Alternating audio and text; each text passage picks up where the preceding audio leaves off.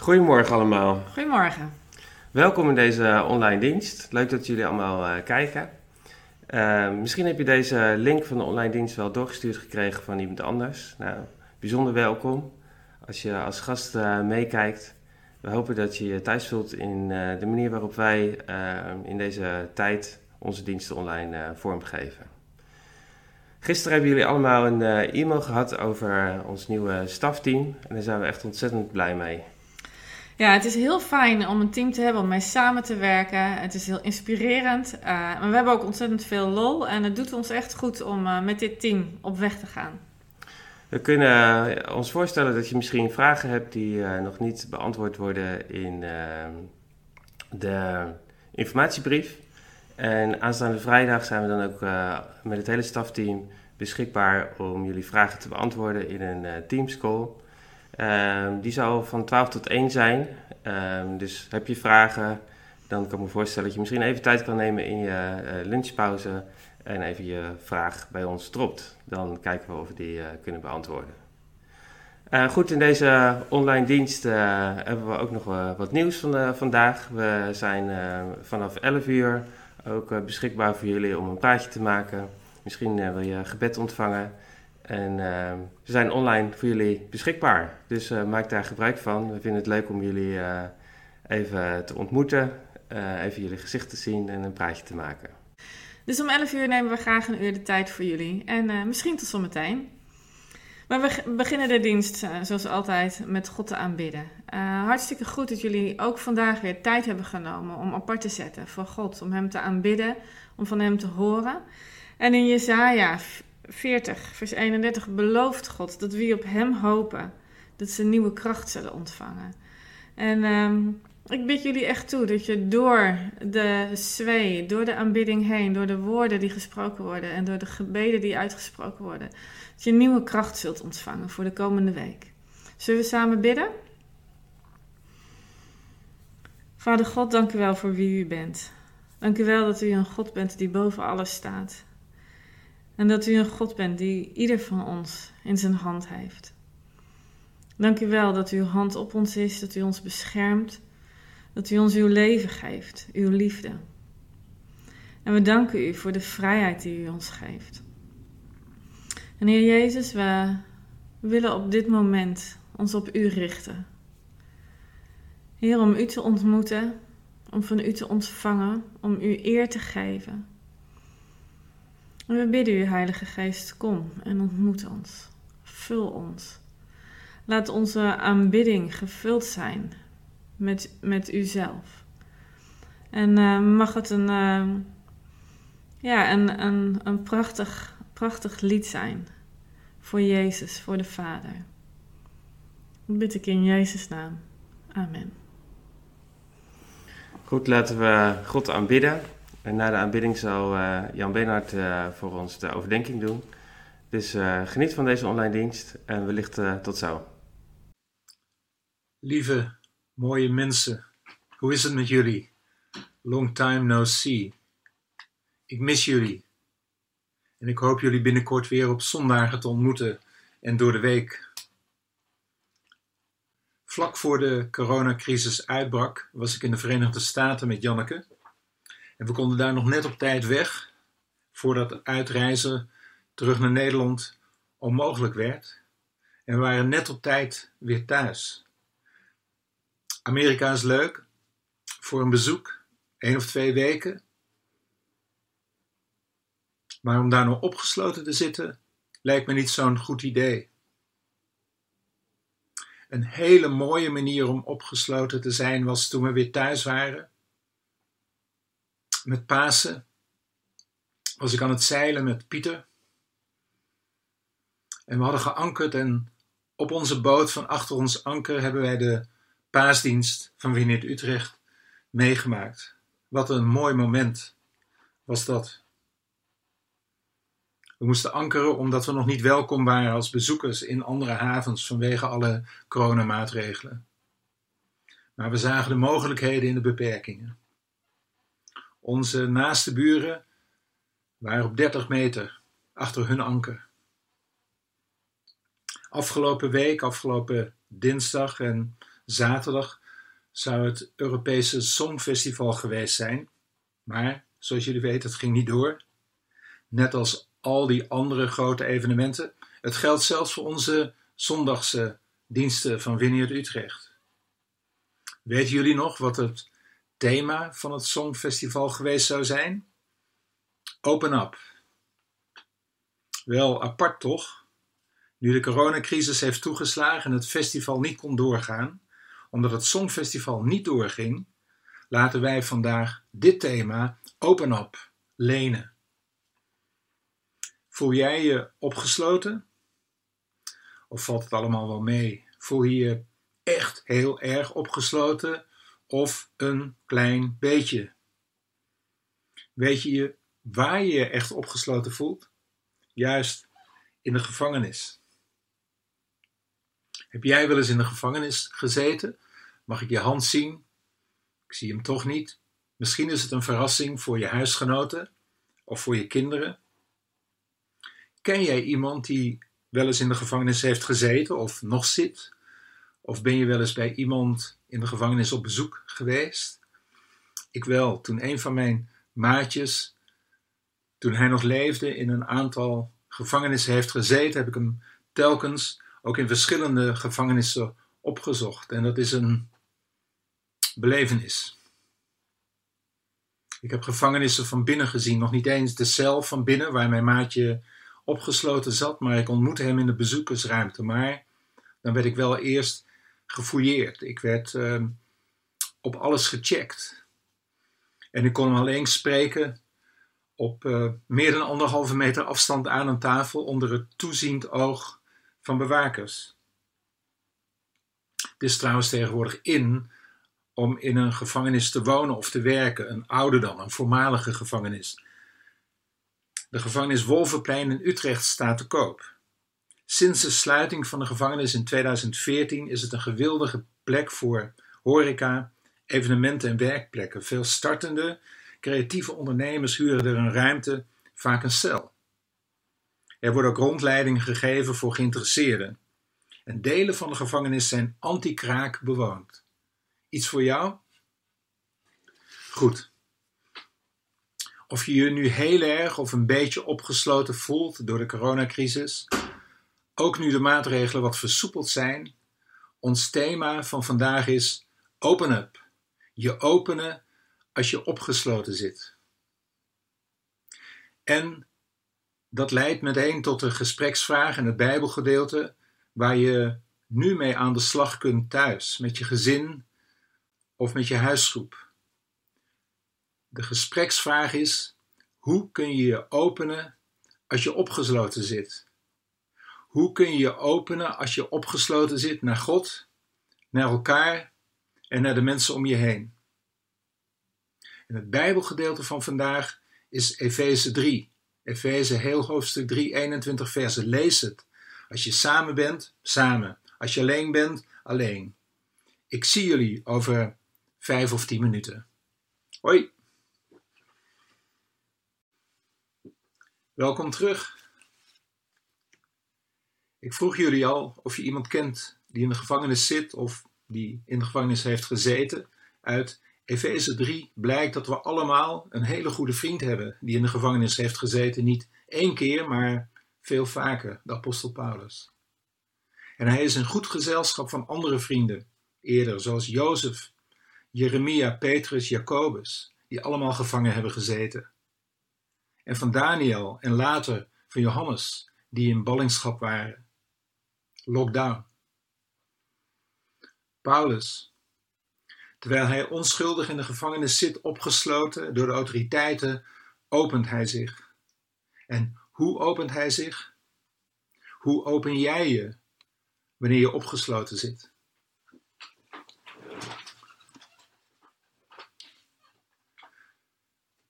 Hoewel Paulus opgesloten zit, is zijn opdracht niet veranderd. Hij ziet het nog steeds als zijn taak om het goede nieuws van Jezus Christus te vertellen, bekend te maken. Hij, Paulus, die veel had gereisd, gereisd overal het koninkrijk van God had verkondigd, gemeente was begonnen en had opgebouwd. Hij zat nu vast, opgesloten, Maar ondanks dat gaat hij gewoon door met waar hij mee bezig was. Mensen bekendmaken met Christus.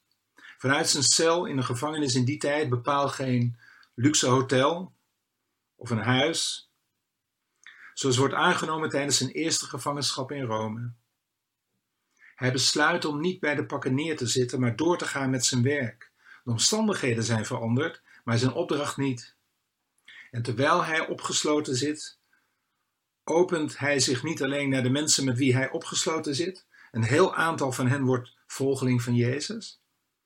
Hij opent zich ook naar de mensen verder weg. Hij besluit online te gaan. Hij schrijft brieven. Zijn brief aan de gemeente van Efeze is een van zijn vier gevangenisbrieven. We kunnen Paulus tot op de dag van vandaag dankbaar zijn voor die brieven en dat hij niet bij de pakken neer ging zitten. Zijn brieven hebben velen door de eeuwen heen verrijkt en ook ons vandaag hier in Utrecht. Net als Jeremia in gevangenschap en Daniel en Johannes in ballingschap ons hebben verrijkt met hun boeken en brieven, die het lezen en leven meer dan waard zijn. Maar wat betekent dit voor ons? We kunnen zijn voorbeeld volgen. We kunnen ons opgesloten voelen door de coronacrisis. Maar ons huis is een luxe hotel vergeleken bij de gevangeniscel waar Paulus opgesloten zat. We kunnen ons blind staren op onze beperkingen en tot voor kort was dat blijf thuis. Maar er zijn zoveel mogelijkheden. De mogelijkheden zitten in de beperkingen. We kunnen ons net als Paulus openen terwijl we opgesloten zitten. Bijvoorbeeld wat Paulus deed door te schrijven. Een brief of een moderne versie daarvan, een e-mail aan iemand in je familie, een vriend. Tijd nemen om je gedachten op papier te zetten, een brief dus, of een kaart. Wat mooi, die kaartenactie die op touw gezet is in de gemeente. Ik heb van verschillende mensen gehoord dat ze zijn verrast, ook met liefs en lekkers en moois. Waar heb jij de afgelopen tijd het meeste moeite mee gehad? Een van de dingen waar ik de afgelopen tijd het meeste moeite mee heb gehad is dat ik op maandagmorgen 16 maart namens het straatpastoraat een briefje moest ophangen op de deur van de Jacobikerk. Inloop gesloten. Met het straatpastoraat hebben we toen ook een kaartenactie op touw gezet voor zover we adressen van onze vrienden hadden van wie enkele nog steeds dakloos zijn. En met anderen van wie we een telefoonnummer hebben, bellen we regelmatig. Ik voel me nog steeds onthand door de beperkingen, maar probeer mogelijkheden te zien in de beperkingen. Gelukkig mag ik mijn gevangenis af en toe uit om te luchten. Zo doe ik met een van mijn dakloze vrienden af en toe een koffie voor twee op anderhalve meter op een bankje op de Mariaplaats. Voel jij je opgesloten? Ik voelde me helemaal opgesloten toen we op 17 april het verschrikkelijke bericht, kregen van het plotselinge, plotselinge overlijden van een neef, de oudste zoon van mijn zus in Frankrijk. 43 jaar nog maar. Ik wilde in de auto springen, naar hen toe gaan, maar dat kon niet. Wat ik wel kon doen was bellen met mijn zus in Frankrijk en met mijn broer en met mijn zusje hier in Nederland en kaarten sturen en mailen. Paulus had al die mogelijkheden niet. Hij kon alleen praten met de mensen om hem heen en brieven schrijven. Wij hebben allerlei mogelijkheden in dit multimediale tijdperk. Een ervan is beeldbellen via WhatsApp of Zoom of Teams. Toen ik Normal Halsel een keer belde, vertelde dat hij dat hij en zijn gezin in het weekend hadden gezoend. Ik dacht nog, Norman, dat mag helemaal niet, zoenen. Tot ik begreep dat ze hadden gezoomd, gebeeldbeld met z'n allen. Er zijn zoveel mogelijkheden om ons te openen in een tijd dat we ons opgesloten voelen, naar elkaar, naar de mensen om ons heen. Paulus schrijft naar Timotheus, die de gemeente in Efeze leidt: Ik zit dan wel gevangen, maar het woord van God niet. Wij zitten dan wel opgesloten door de coronacrisis, maar het woord van God niet. Of zoals minister Hugo de Jonge zegt, verspreid het woord, niet het virus. Of zoals op een briefje bij ons in de lift van het complex waar we wonen staat: vriendelijkheid is besmettelijker dan het virus. We kunnen bellen, facetimen, whatsappen, mailen, zoomen, skypen, teamen om Christus bekend te maken en zo zijn liefde te verspreiden. Paulus zat opgesloten en hij opende zich. Niet alleen door brieven te schrijven naar mensen die hij kende en nog niet kende. Hij opende zich niet alleen naar de mensen, dichtbij en veraf. Hij opende zich eerst en vooral naar God. Zijn zich openen naar mensen was een gevolg van zijn zich openen naar God. In ons Bijbelgedeelte van vandaag, Efeze 3, opent Paulus zich in gebed en aanbidding naar God.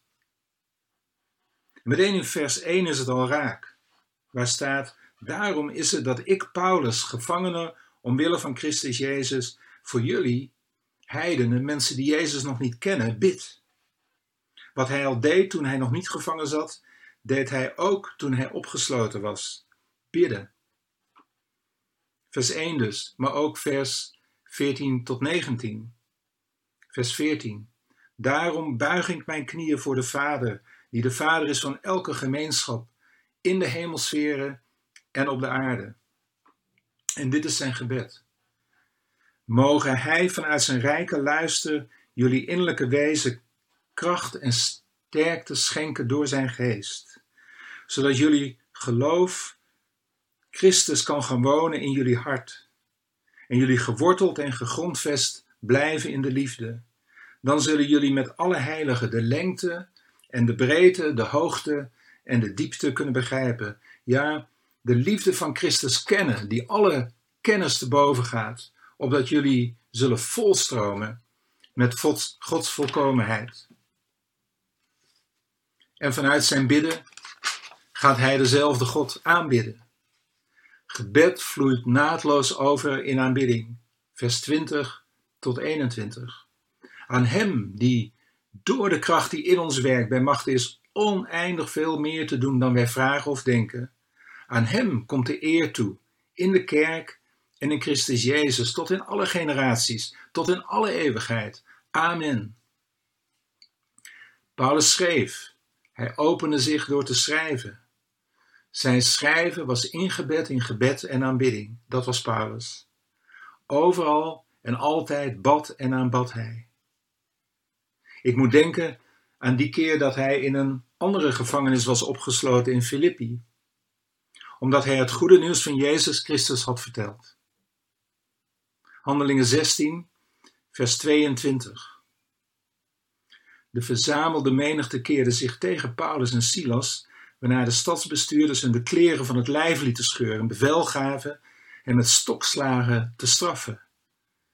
Nadat ze een groot aantal slagen hadden gekregen, werden ze opgesloten in de gevangenis, waar de gevangenbewaarder opdracht kreeg hen streng te bewaken.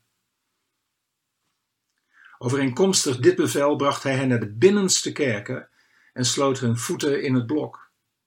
En dan, om middernacht waren Paulus en Silas aan het bidden en zongen ze lofliederen voor God. Ze bidden en aanbidden. En kijk eens wat voor een gevolgen dat heeft.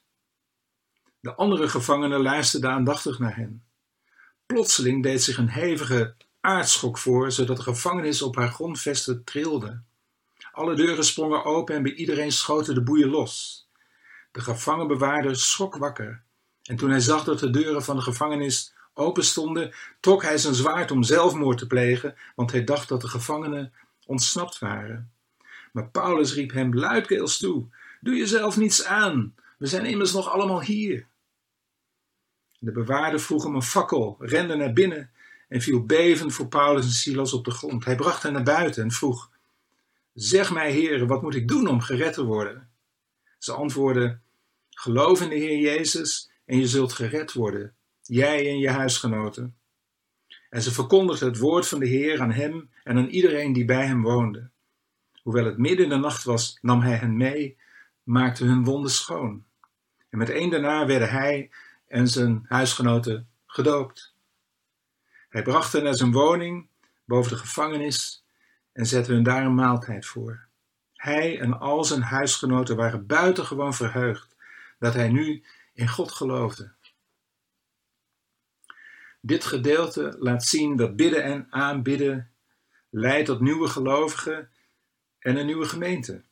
Het goede nieuws van Jezus Christus bekendmaken. Nieuwe gelovigen die worden gedoopt en een nieuwe gemeente in Filippi. Ook aan hen, de gemeente in Filippi, schrijft Paulus later in een brief uit een andere gevangenis.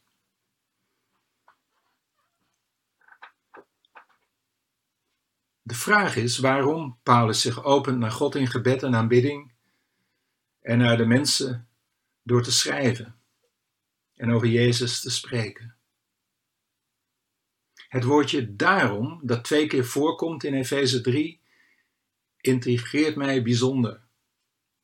Twee keer daarom, vers 1 en vers 14. In vers 1, daarom is het dat ik, Paulus, gevangene omwille van Christus Jezus, voor jullie bid. In vers 14, daarom buig ik mijn knieën. En in de tussenliggende versen gaat Paulus helemaal los over wie Jezus Christus is en wat hij doet, over zijn dood en zijn opstanding, hemelvaart en uitstorting van de Heilige Geest, over wat het betekent om in Christus te zijn, over het mysterie van het lichaam van Christus, waarin geen tussenmuren bestaan, waar iedereen, Joden en mensen die nog nooit eerder van God hebben gehoord, wij één zijn, waar we met z'n allen beleven hoe groot de liefde van God is. Daarom gaat Paulus helemaal los. Daarom opent hij zich terwijl hij opgesloten zit. Daarom bidt aan bid en communiceert hij het goede nieuws met iedereen die het wil horen. Het vieren van Pasen, de dood en opstanding van Jezus Christus, ligt net achter ons. En het vieren van hemelvaart, Jezus die is aangekomen in de troon van de Vader, en Pinksteren, de uitstorting van de Heilige Geest, liggen voor ons in de komende anderhalve week. Laten we net als Paulus helemaal losgaan in gebed, aanbidding en communicatie van het goede nieuws van Jezus Christus. Het uiten van onze liefde naar Hem toe en naar de mensen om ons heen. Laten we samenvatten. Onze vraag vandaag was: hoe openen we ons terwijl we opgesloten zitten? Als er iemand wist wat het was om opgesloten te zitten, was het onze vriend apostel Paulus wel. En als er iemand is die zich opende toen hij opgesloten zat, dan is het onze vriend Paulus wel. Hij opende zich naar God door te bidden en te aanbidden. Hij opende zich naar anderen door Christus bekend te maken. Waarom? Omdat hij gegrepen was door Jezus Christus. Door wie Jezus is en wat hij doet.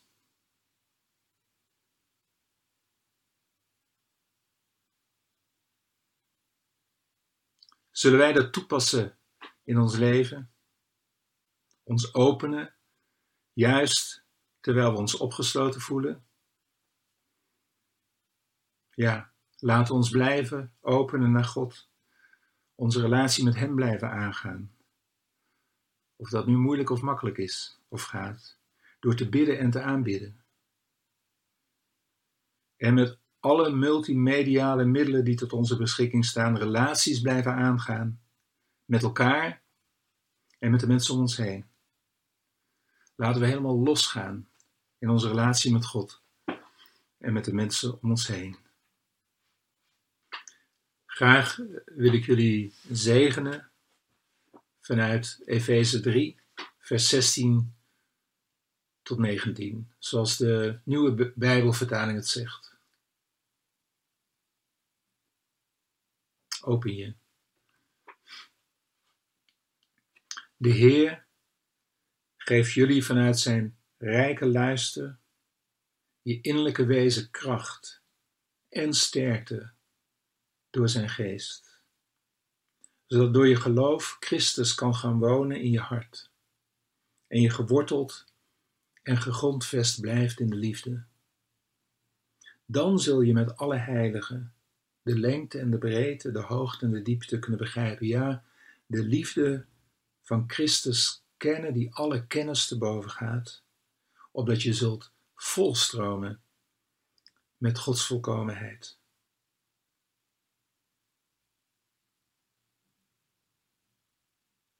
Amen. Nog een hele goede zondag. Tineke en ik, we houden van jullie. En zien er naar uit om je weer te ontmoeten. Dag.